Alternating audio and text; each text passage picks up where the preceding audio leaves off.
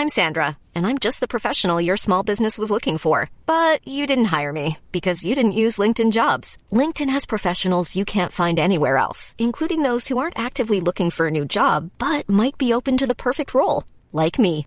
In a given month, over 70% of LinkedIn users don't visit other leading job sites. So if you're not looking on LinkedIn, you'll miss out on great candidates like Sandra. Start hiring professionals like a professional. Post your free job on linkedin.com/people today.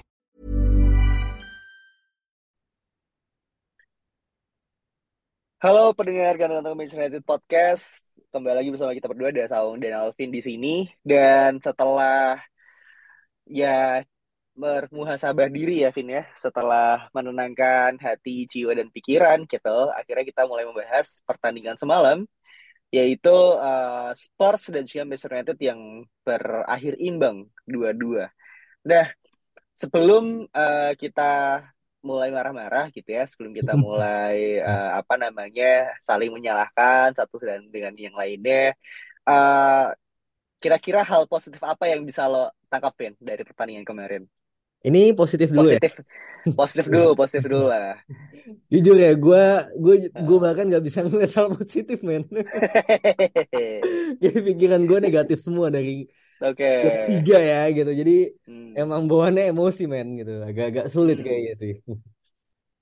Iya, iya, iya. Kalau kalau dari gue pribadi sih sebenarnya secara uh, hal yang cukup positif gitu ya, itu adalah uh, pertandingan babak pertama ya. Karena di babak pertama memang uh, United tampil dengan sangat pede gitu ya, sangat uh, apa namanya uh, positif gitu dari mulai passingnya, dari mulai uh, konversi chance-nya pun juga bagus gitu. Even di dari uh, kita gitu kan uh, hampir sebenarnya cukup solid lah walaupun ada beberapa kali momen di mana uh, di sisi kanan memang di uh, Wan Bisaka sempat beberapa kali kecolongan gitu. Cuman secara kolektif dia pertama menurut gue tuh sangat oke gitu sampai akhirnya uh, di babak kedua itu muncul lah ya trau- trauma-trauma dan juga uh, apa namanya a glimpse lah a dari pertandingan lawan Sevilla kemarin gitu yang dari unggul 2-0 tiba-tiba jadi 2-2 itu sama persis ya dari mulai kita kehilangan uh, apa possession sampai akhirnya kita missing chances gitu ya di depan gawang kayak Bruno kemarin. Jadi kayak ya history repeat itself sih menurut gue Hmm, iya iya benar-benar. Ya kalau positifnya sih ya iya memang setuju gitu di babak pertama terlihat sangat confidence.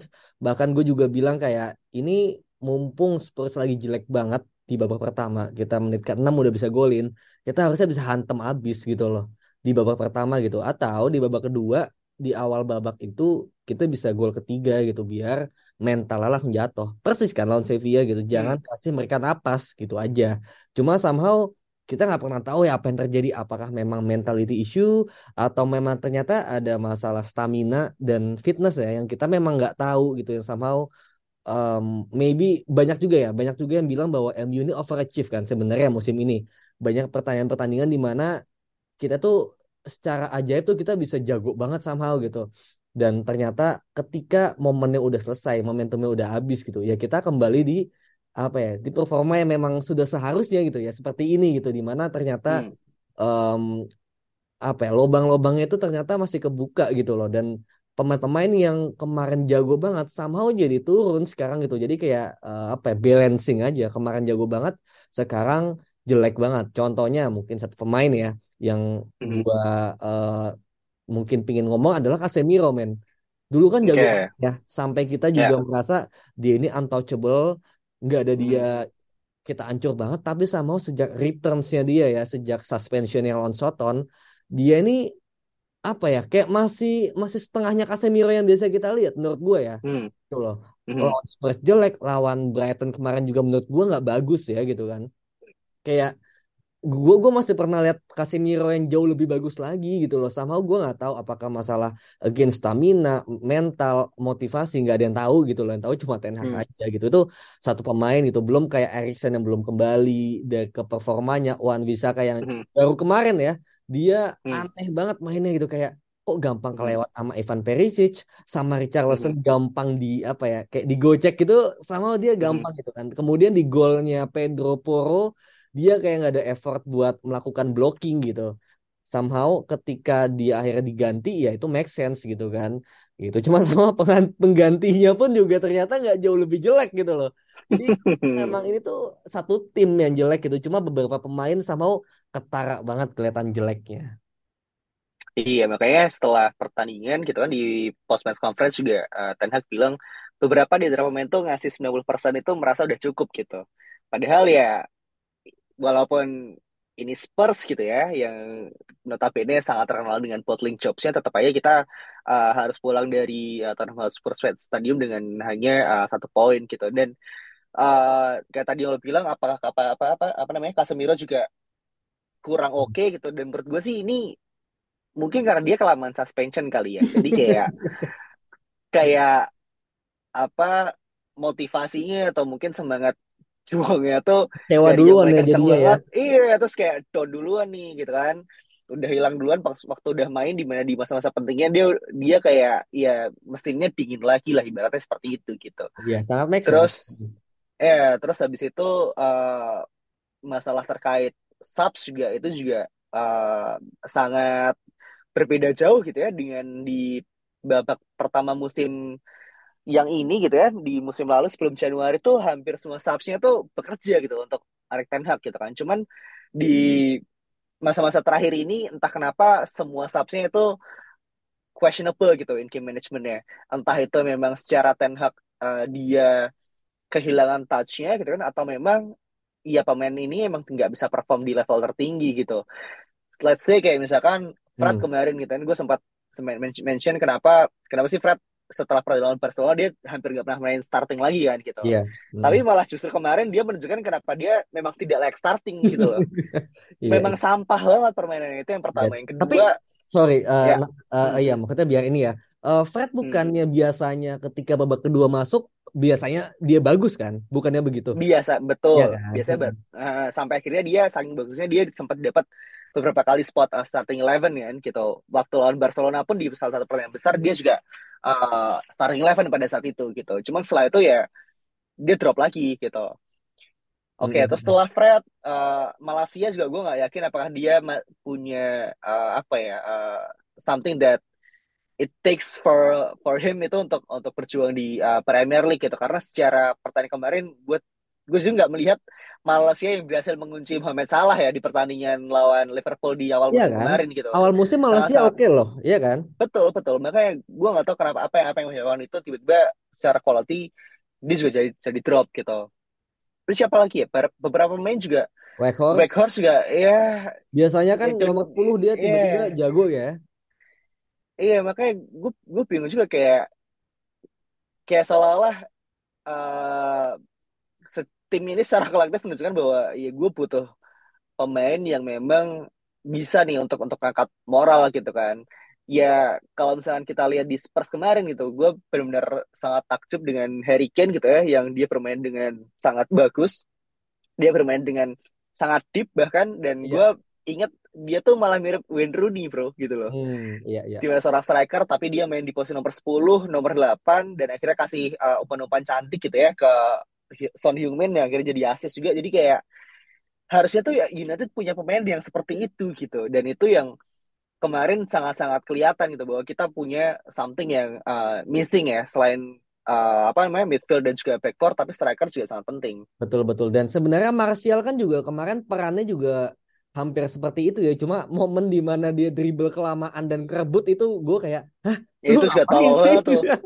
Iya itu juga tolol banget Ya, bi- itu itu kan? itu juga aneh kayak biasanya dia itu nggak pernah seaneh itu timingnya gitu loh untuk yeah, yeah, yeah. passing. Cuma sama kemarin kok ada additional action yang kayak lu lu udah hmm. udah udah harusnya ngoper tapi dia malam masih ngefaint dan akhirnya kerebut gitu. Itu agak aneh hmm. dan setelah saat itu juga dia malah nggak bisa dapat lagi gitu loh momentum buat dia bagus. Biasanya kan Martial juga oke okay ya, terutama kalau misalnya hmm. Martial main dari awal biasanya bagus ya. Ini kemarin bener-bener nggak kelihatan gitu tuh juga gue kecewa gitu. Terus tadi lu ngomong masalah siapa ya? Gue lupa ya. Uh, Harry Kane ya. Itu juga mm-hmm. gue terutama babak kedua sangat bikin masalah ya karena Lindelof men. Lindelof itu agak kemarin agak cukup mengkhawatirkan ketika dia ngikutin Kane sampai belakang sampai tengah tapi dia ngejatuhin dan dia, dia tuh udah kuning men gitu jadi Hmm, hmm, gue hmm. kita juga cukup lucky ya karena Lindelof nggak di kartu Ya. merah gitu itu itu Hmm. normally ya mungkin dia kartu merah ya main itu dan kalau kartu merah kita udah nggak ada back lagi gitu loh jadi ya, ya, kemarin ya. tuh kita juga menurut gue ya, dan expected goals ya ternyata itu tuh kalah men sama Spurs Spurs itu Hmm. 2,3 atau 2,4 gitu kita 2,1 ya masih 2, koma juga sih cuma Ya. secara kualitas peluang bahkan Eric Dyer aja sempat free header kan. Itu gila. Iya. itu gue udah anjing ini ini menurut gue ketika ngeliat itu kayak ini nunggu waktu aja men. Kita bener-bener kebobolan gitu. Hmm, hmm, hmm. Iya, untungnya memang secara eh, apa namanya poin ya kita di liga saat ini sebenarnya notabene masih cukup aman sebenarnya gitu. Karena memang gap antara uh, top 4 yang sekarang gitu ya dengan posisi 5 6 7 itu memang agak lumayan jauh ya sekitar 6 7 poin gitu. Jadi ya gue sih masih masih uh, positif kita masih akan tetap finish di top 4 gitu. Tapi dengan apa ya pertandingan seperti kemarin ya performa seperti kemarin di mana kita masih akan melawan Aston Villa, masih akan melawan Brighton, hmm. Chelsea juga gitu kan. Jadi kayak wah ini sih yang yang gue apa ya takutkan gitu loh. Makanya karena Copon ketika dia mau izin cabut nggak dikasih juga sama Ten Hag gitu. Iya iya iya bener. Karena tipis men. Hmm. Iya ya dan dan uniknya ya, kita tiga Jumat terakhir tuh kita pertandingannya jelek semua men. Jumat iya. jelek ya kan? Minggu lalu kita Hmm. kalah 3-0 Jumat minggu Ya. lalu lagi 2-2 jadi Jumat yang karena Jumat barokah ternyata nggak barokah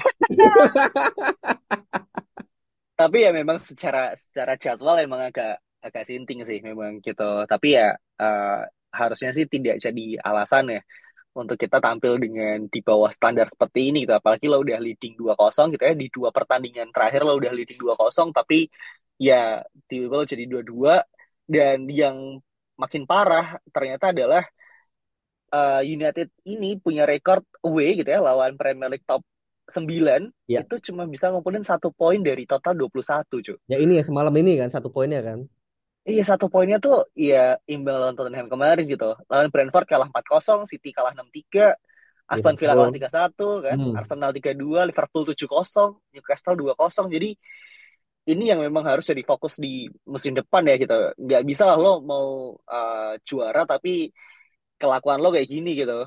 Hmm, iya iya. Kalau kalau kalahnya lawan yang Big Four ya oke, tapi kalau kalau Hmm. big apa ya, bukan big ya, maksudnya top 9 sih kebangetan sih. At least imbang lah gitu Iya. kan. Seenggak enggaknya imbang gitu. Ya memang memang memang belum apa ya, seperti yang mungkin kita juga clash ya tadi ya gitu kayak tim ini memang belum bisa juara gitu loh karena Hmm. Melawan tim-tim yang harusnya menang tuh masih sering kalah gitu.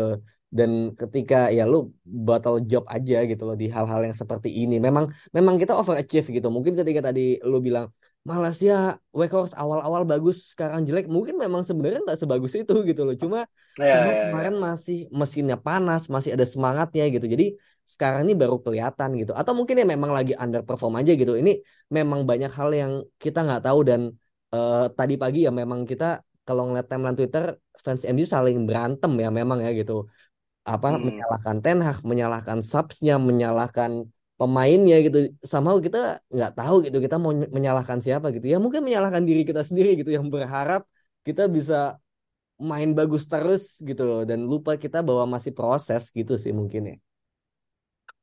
Iya, dan gue juga ini ya eh, berpikir memang sangat prematur gitu loh. Misalnya kita menyalahkan Ten Hag gitu ya, khususnya di pertandingan semalam karena ya gue masih berusaha untuk menutup mata sih di musim ini kesalahan Ten Hag itu kayak ya udahlah gitu. Karena ya squad kita masih minim gitu kan Eh, masih sangat tipis dan dia juga eh, tidak punya andil cukup banyak menurut gue gitu di eh, apa namanya pemain yang didatangkan atau dikeluarkan gitu. Makanya di musim depan dengan harapan akan ada eh, owner baru akan ada eh, sumber dana yang lebih gede gitu kan dan Ten Hag juga ya. punya ya eh, Ten Hag juga punya uh, say yang lebih banyak gitu lah di uh, squad yang dia punya gitu. Dan semoga aja gitu ya di akhir musim ini dengan sisa 7 game ya, 7 game ini uh, apa namanya United masih bisa tetap finish di top 4 gitu, tapi sekaligus juga menunjukkan bahwa para pemain-pemain yang nggak layak ini juga lo nggak usah kasih uh, panggung lagi gitu kayak misalkan memang uh, pemain yang menurut gue sih kayak iya nggak siap gitu. Dan it, apa ya harus ada uh, sesuatu yang memang kelihatan gitu punishmentnya. Kayak misalkan ya misalkan lo bilang kayak Casemiro atau mungkin Fred jelek gitu kan ya lo nggak usah mainin ini di uh, pertandingan selanjutnya gitu. Atau lo nggak usah subs dia gitu di pertandingan atau mungkin ya lo tarik aja si apa namanya Kopi Mainu let's say gitu kan di midfield atau Zidane Iqbal lo kasih panggung gitu karena ya gue malah merasa pemain-pemain muda ini justru mereka punya sesuatu yang ingin ditunjukkan gitu uh, kepada fans kepada tim buat dia punya sesuatu yang bisa bawa tim ini uh, apa namanya main lebih konsisten gitu daripada si senior senior yang gue nggak tahu apakah mereka pusing gaji mereka pusing uh, menentukan masa depannya atau apa kayak gitu-gitu sih menurut gue. Hmm. Iya ya, ya meskipun pemain muda juga riski ya ketika momentumnya nggak pas dan timingnya nggak pas gitu ketika dia menjadi sebuah harapan dan ternyata gagal atau blunder itu somehow bisa jadi bumerang juga ya bisa langsung ancur mental ya gitu. Jadi memang mungkin tergantung pemainnya karakternya juga mungkin kalau Garnacho yang kayaknya orang cuek ya gitu dan kayaknya suka challenge gitu itu malah mungkin hmm. termotivasi kan kayak kemarin sempat kayaknya dia sempat down ya kalau nggak salah kan kemudian yeah. Ya. uh, dia bersemangat lagi gitu kan. Cuma kalau misalnya kayak yang lainnya kayak Iqbal Mainu kan kita nggak tahu ya gitu kan mentalnya kayak gimana kan. Hmm. tiba-tiba salah oper kemudian dibuan wah hancur lah itu masa depan kan gitu. Jadi memang mungkin uh, tergantung pemain dan ya again ya gitu kalau terlepas dari pemain um, apa kedalaman squad juga ternyata memang sangat-sangat dibutuhkan gitu. Dan Ten Hag juga nggak punya banyak pilihan. Ketika tadi harapannya adalah nggak dimainkan dulu gitu let's say Casemiro jelek dan ingin diganti ya apa ya nggak ada lagi gitu yang bisa gitu kan. Kecuali emang ada tapi masalah kan nggak ada. Dan kalaupun mau ruthless untuk dibuang segampang itu kayak misalnya Fred Scott McTominay masalahnya kan penggantinya um, replacementnya bakal ada apa enggak nih uangnya kan gitu lagi kan balik lagi ke situ lagi kan gitu. Jadi hmm. memang kasarnya Ten Hag ini disuruh kerja dengan hand tight gitu kan. Dengan tangan yang terikat di belakang gitu. Lu suruh kerja magic hmm. tapi lu nggak dikasih akses untuk melakukan magic itu gitu. Jadinya memang sulit gitu. Jadi ketika Ten Hag disalahkan sih gue juga apa menyayangkan ya. Kayak mungkin gue marah-marah juga di Twitter gitu kan. Gue gue seemosi itu tadi pagi nggak pernah gue seemosi itu gitu. Kenapa hmm. emosi itu ada? Karena memang udah mulai berharap men gitu. Dan itu emang salah sih gitu. Jadi um, ketika gue marah-marah pun gue juga nggak mau nunjuk siapa yang salah gitu. Gue lebih kepada marah sama situasi lu lu apa ya meng, uh, lu tuh udah udah di tangan lu sendiri kemenangan ini tapi lu membuang kesempatan itu depan mata. Mungkin inilah yang dirasakan fans Arsenal ya. Di empat match hmm. terakhir lu udah dua nol jadi dua dua dua kali. Kemudian lu udah apa namanya lawannya Soton lu ternyata kalah tiga satu gitu kan sempat tertinggal gitu gitu. Jadi hmm. memang memang ya seperti inilah gitu ketika masih dalam proses dan apa ya kedewasaan kita sebagai fans ya menurut gue juga sangat diuji terutama di tujuh match ini yang gue sangat berharap MU bisa empat besar dan gue masih yakin bisa empat besar cuma kayaknya memang kita bakal berdarah-darah banget sih gitu untuk pada akhirnya bisa apa ya, stay mungkin mungkin ya sangat mungkin loh kita ternyata di bawah Newcastle gitu loh cuma masih hmm. empat besar itu itu masih sangat mungkin karena Newcastle pertandingannya lebih sedikit gitu. Jadi mungkin yeah. itu juga nggak akan terlalu jomplang gitu dibanding kita yang mm -hmm. harus apa um, dari jan apa ya dari sejak uh, apa Piala Dunia kan Januari Februari itu kita berjibaku tiap tiga hari main match dan ya kita akhirnya down di sini gitu. Kemarin lawan Brighton juga kita 120 menit kan. Brighton pun yeah. kalah tiba-tiba lawan Nottingham 3-1 kan. Itu menurut gua ada efeknya juga men. Di mana pertandingan semifinal kemarin memang sangat menguras gitu. Hmm, make sense sih, make sense sih. Dan besok juga ya di hari Minggu ya, Vin ya. Uh, kita akan melawan Aston Villa di away atau home ya? Di home. Di home. Akhirnya kita kembali lagi ke Old Trafford gitu ya. Dan karena rekornya kan juga sangat jelek gitu ya di away, jadi gue jujur uh, cukup berharap kita bisa meraih hasil yang positif gitu di ya, sebelum uh, Old Trafford. Se betul. Sebelum hmm. Jumat kita lawan Brighton away ya kita nggak tahu nih hasilnya dari Jumat away ini agak mengerikan memang nih. Oh gitu? Iya. Iya iya iya ya. jadi kita lawan Brighton dulu ya berarti ya? Enggak enggak. Kita lawan Aston Villa dulu nih home hari okay. Minggu besok. Uh. cuma maksudnya uh. kita harus menang sebelum Jumat depannya lagi. Kita away lawan Brighton nih. Iya kan? Iya iya iya iya iya aduh. Jangan sampai lah gitu ya karena aduh gue udah udah udah jujur capek sih gue lawan Brighton ya dan kayak kayak Semarang tuh 120 menit menurut gue udah lebih dari cukup gitu. Jadi kayak jangan sampai kita uh, 90 menit besok uh, entah lawan Aston Villa, entah lawan uh, Brighton itu kita masih perlu apa ya? Ya deg-degannya tuh loh bro nggak bisa gue kayak udahlah gitu di tujuh pertandingan terakhir tuh kayak bisa nggak MU tuh bermain dengan sangat uh, tenang gitu ya, calm, collected gitu kan, compose. Tapi ya memang bukan MU kalau tidak bikin fansnya jantungan kan. Tapi ya uh, di pertandingan besok gitu ya di hari Minggu kita lawan Aston Villa. Uh, hal apa yang kira-kira lo ingin uh, Ten Hag itu uh, persiapkan lah untuk uh, pertandingan besok, Vin? Kalau apa yang Ten Hag persiapkan sebenarnya gue yakin sih Ten Hag udah menyiapkan tim ini untuk menang gitu loh sebetulnya ya menang secara kompos. Cuma sama hmm. pemain-pemain ini memang belum siap untuk bermain secara kompos dengan cara bermain Ten Hag seperti ini gitu.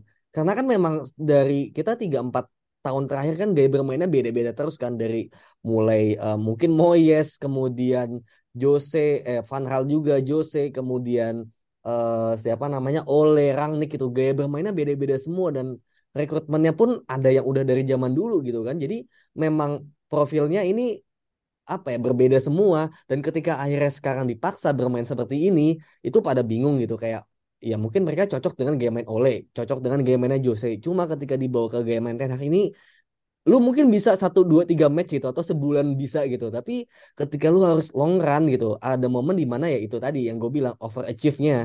Ketika hmm. sekarang kembali ke apa momen di mana lu krusial gitu ya lu mungkin kembali ke asalnya gitu ke performa asal lu ya seperti ini gitu loh. Jadi memang yang gue harapkan adalah sekarang fighting spirit sih gitu. Karena untuk bermain secara sistem lagi itu mungkin lu nggak akan bisa 90 menit gitu. Mungkin 45 menit lu bisa main secara sistem bagus ya kalau kayak lawan Spurs kemarin gitu. Hmm. tapi gue mau gitu kayak at least kalau lu secara sistem nggak bisa lu show some fight lah gitu.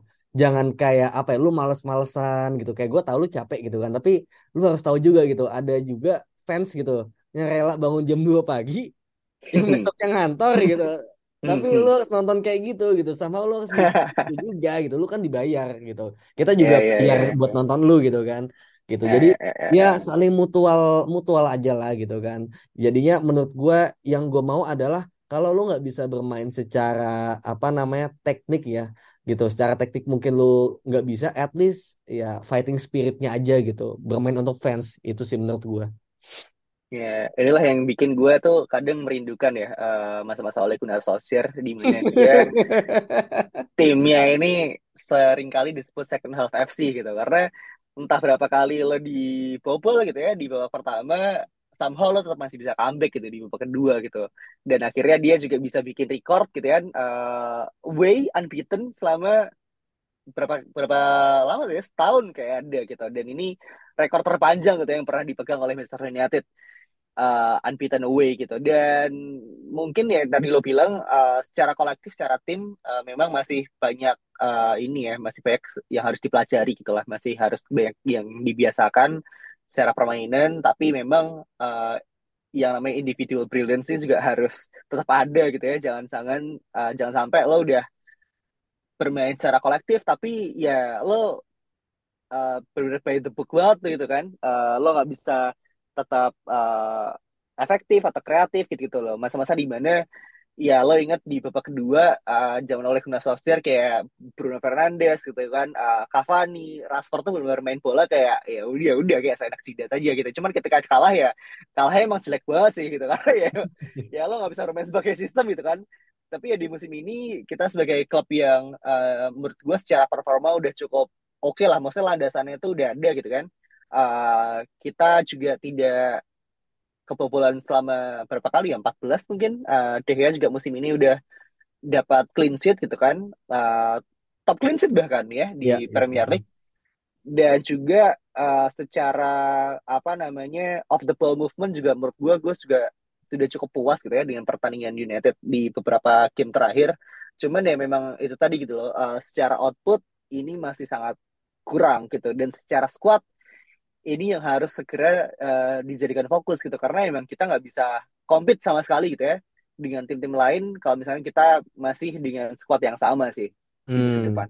iya benar-benar benar. Nah ini kalau misalnya ngomongin pemain juga gitu, em, lawan Aston Villa yang apa namanya permainannya juga lagi bagus banget nih, lagi eh, meningkat ya kalau nggak salah empat match terakhir ada serinya sih, tapi yang namanya Oli Watkins ini juga lagi golin terus. Lu Mhm. ada nggak bayangan tim yang akan bermain gitu? Apakah akan bermain sama kayak kemarin line up-nya atau ada beberapa yang harus diganti? Um, gue masih berharap besok uh, masih dengan squad yang sama sebenarnya gitu kan. Cuman siapa yang nanti akan jadi substitution itu yang menurut gue akan sangat berpengaruh sih di pertandingan besok gitu. Gue nggak ingin melihat uh, apa namanya Ten Hag itu ini ya apa namanya uh, favoritism lah. Kalau misalkan cawan-cawan oleh kan sebenarnya gitu ya. Tes yang Hmm. dimainin itu ya gitu ya favoritism itu karena perlu variasi, perlu uh, kreativitas gitu untuk lo menentukan uh, siapa pemain yang emang cocok untuk lo uh, mengalahkan uh, lawan gitu dan di pertandingan kemarin itu gue tidak melihat Ten Hag itu me, apa ya memasukkan pemain untuk apa ya merubah skema gitu ya merubah skema yang diperlukan untuk meredam uh, Spurs gitu. Tapi malah dia memasukkan pemain dengan dengan formasi yang sama menurut gue gitu. Dengan apa namanya uh, intensitas yang sama. Padahal lo selama ini dikempur terus tuh dari sisi kanan sisi kiri. Dan ketika uh, siapa namanya Ryan Mason memasukkan dan juga juga juga Ben Davis ya di uh, wingback. Tapi Hmm. malah lo ya lo ganti Malaysia gitu di situ kan. Lo butuh seseorang yang bisa duel di udara dan juga di midfield alih-alih lo masukin si siapa namanya uh, Sabitzer lo masukin Fred gitu. Dan ketika lo tahu bahwa lo susah untuk uh, apa namanya crossing gitu kan uh, apa namanya umpan vertikal apa atau segala macamnya gitu kan lo butuh pemain yang cepat pemain yang bisa lo langsung counter attack lo masuk malah masukin Weghorst daripada uh, Pelistri. Jadi kayak hal-hal ini yang harusnya jadi catatan sih di pertandingan lawan Aston Villa besok menurut gue sih secara starting eleven kemarin tuh udah sangat bagus gitu makanya kita bisa melihat penampilan United di babak pertama itu sangat bagus gitu cuman di babak kedua itu yang sangat penting jadi pemain seperti uh, Sabitzer atau mungkin uh, Martial atau mungkin Pelistri itu yang harus lebih uh, siap sih ketika dipanggil. Hmm, iya iya iya. Memang, em, nah mungkin khusus Martial ya. Gue merasa Martial somehow lebih bagus kalau main dari awal sih ya, gitu. Daripada dia jadi subs gitu. Jadi mungkin karena kemarin juga dia udah subs ya selama 30 menit. Gue pingin dia main dari awal gitu. Semoga ya, tapi semoga dia emang lebih bagus gitu. Gue nggak tahu ya. Secara fitness ini juga lagi dalam beberapa match terakhir dia eh, cukup ini ya eh, fitnessnya terjaga. Jadi dengan kemarin 30 menit mungkin ini bisa 60 menit gitu. Jadi 90 menit dalam dua match gitu. Jadi mungkin Sancho kemarin di luar golnya kan memang kelihatannya nggak ngapa-ngapain ya gitu. Jadi mungkin Sancho juga ketika lawan Brighton dia lebih bagus babak kedua kan. Nah itu mungkin bisa kita tukar tuh sama Martial yang kemarin mungkin agak ketukar ya gitu. Jadi Martial main duluan, kemudian Sancho mungkin disimpan untuk babak kedua, depan seperti biasa, tengah juga seperti biasa. Nah mungkin belakang nih gitu, Wan Bisaka juga seharusnya gitu kan. Semoga ya errornya juga cuma match kemarin doang gitu. Jadi di pertandingan nanti dia bisa uh, bermain baik. Dan kalau misalnya back ya gua nggak tahu nih ketika Maguire udah kembali apakah dia pantas diberikan kesempatan gitu untuk mengawal gitu kan instead of Lindelof gitu ya. Kemarin juga sebenarnya main bagus gitu cuma memang apa namanya lebih kepada rotasi gitu gitu. Mungkin gua gua nggak tahu sih apakah Maguire ini udah fit atau belum cuma kalau belum fit ini juga jadi ujian karena ya Lindelof Show main lagi gitu loh untuk tiga Hmm. pertandingan dalam eh, satu minggu gitu kan dalam ya seminggu gitu kan.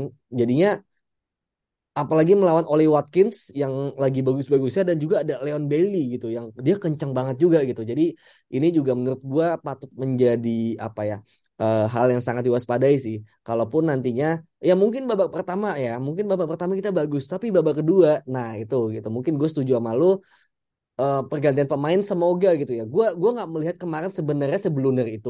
Maybe mungkin juga eh, siapa Ten Hag juga punya plan gitu kan dengan memasukkan Malaysia.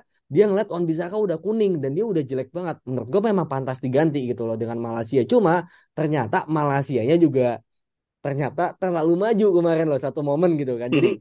jadi apa ya? Lu berharap lebih baik ternyata sama aja gitu kan susah juga ya pelatih ya kalau kayak gitu. Kalau Weghorst mungkin plannya adalah uh, bola atas lebih baik gitu. Karena mungkin udah masukin uh, apa namanya uh, ada Kane, ada Davis juga dan lu mau menangin bola-bola mati gitu. Cuma ternyata ya somehow it didn't work gitu. Kalau Fred Sabitzer oke okay lah gue gue setuju. Pelistri mungkin bisa dikasih kesempatan gitu. Jadi memang uh, semoga lebih decisif gitu kan. Sabsnya meskipun kemarin agak-agak aneh ya player let Ten Hag down ya katanya. Cuma semoga mm -hmm. di sini ketika dimasukkan ya lu harus siap gitu kan. Gua nggak nyalain Ten Hag mungkin menyalahkan pemainnya gitu. Ketika lu dimasukkan ya lu harus siap gitu dan semoga Sabitzer dengan kemar tidak dimainkan nantinya ketika dimainkan dia bisa giving apa ya more than 100% ya instead of only 90% gitu. Gitu sih. Jadi uh, ini ini akan menjadi pertandingan sangat-sangat tricky menurut gua dan gua sangat berharap ya lu nggak melakukan kesalahan gitu. Kemenangan mutlak sih menurut gua.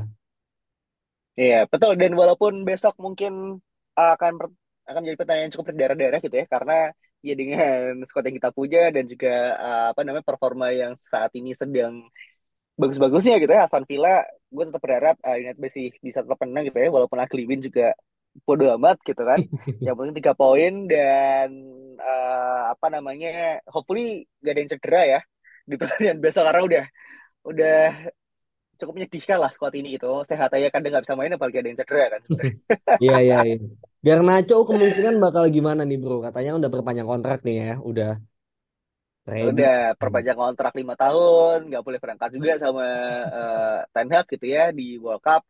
Dan gue berharap dia nggak PT ya, uh, karena dia nggak berangkat dan juga masih bisa memberikan uh, 100% gitu untuk tim karena uh, baru kemarin gue ngobrol sama dia terkait yang Joe ini apakah dia memang perlu gitu kan panggung di uh, World Cup 20 tapi gue rasa pertandingan untuk United gitu ya uh, 7-8 match ke depan gitu di uh, sisa-sisa Premier League dan juga final FA Cup menurut gue tuh udah udah lebih dari cukup lah gitu. Untuk lo dapetin uh, panggung lo dapetin spotlight lo dapetin bahwa lo memang uh, first team player untuk United dan juga uh, apa namanya lo layak gitu untuk uh, permanen kontrak lima tahun dan juga jadi I don't know mungkin the next Ronaldo kali ya jadi kayak yeah, yeah. ya ini akan jadi breakthrough season yang bagus sih untuk Alejandro Garnacho Iya, iya betul betul. Semoga ya, semoga uh, kita menunggu ya di hari Sabtu mungkin siapa yang akan berlatih gitu. Itu kan kelihatan ya biasanya Garnacho udah mulai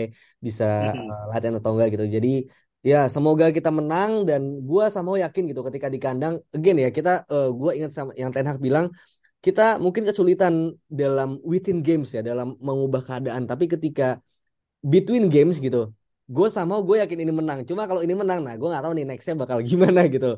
Iya, yeah, jadi ya sama dengan ke apa gue yakin pemain pada marah dengan skor 2-2 kemarin. Jadi gue masih yakin akan ada sebuah mungkin motivasi tersendiri untuk menang di lawan Aston Villa again ya. Meskipun mungkin berdarah-darah ugly win yeah. mungkin ada bantuan wasit gitu kan gitu. Ya ya ya ya ya ya. Terus dan uh, kalau soal teman-teman juga perhatiin gitu ya United itu hampir ini ya hampir tidak pernah uh, dalam tren negatif gitu. Dalam artian ketika kita dapat hasil yang buruk besoknya tuh pasti bounce back-nya juga uh, cukup meyakinkan gitu. Dan gue berharap United uh, di minggu-minggu besok nggak perlu ada ini ya uh, ada tren negatif gitu kan. Uh, besok juga bisa menang dan selanjutnya juga aman lah gitu ya di top 4 ini. Oke, okay, thank you so much semuanya. Dan uh, tentu kita berharap United akan tetap positif gitu ya. Jadi kita bisa take-nya juga tidak perlu marah-marah dan juga berusaha sabar diri dulu. thank you, thank you so much semuanya. We'll see you next episode. Bye-bye. Planning for your next trip? Elevate your travel style with Quince. Quince has all the jet-setting essentials you'll want for your next getaway, like European linen premium luggage options, buttery soft Italian leather bags, and so much more. And is all priced at 50 to 80% less than similar brands. Plus, Quince only works with factories that use safe and ethical manufacturing practices.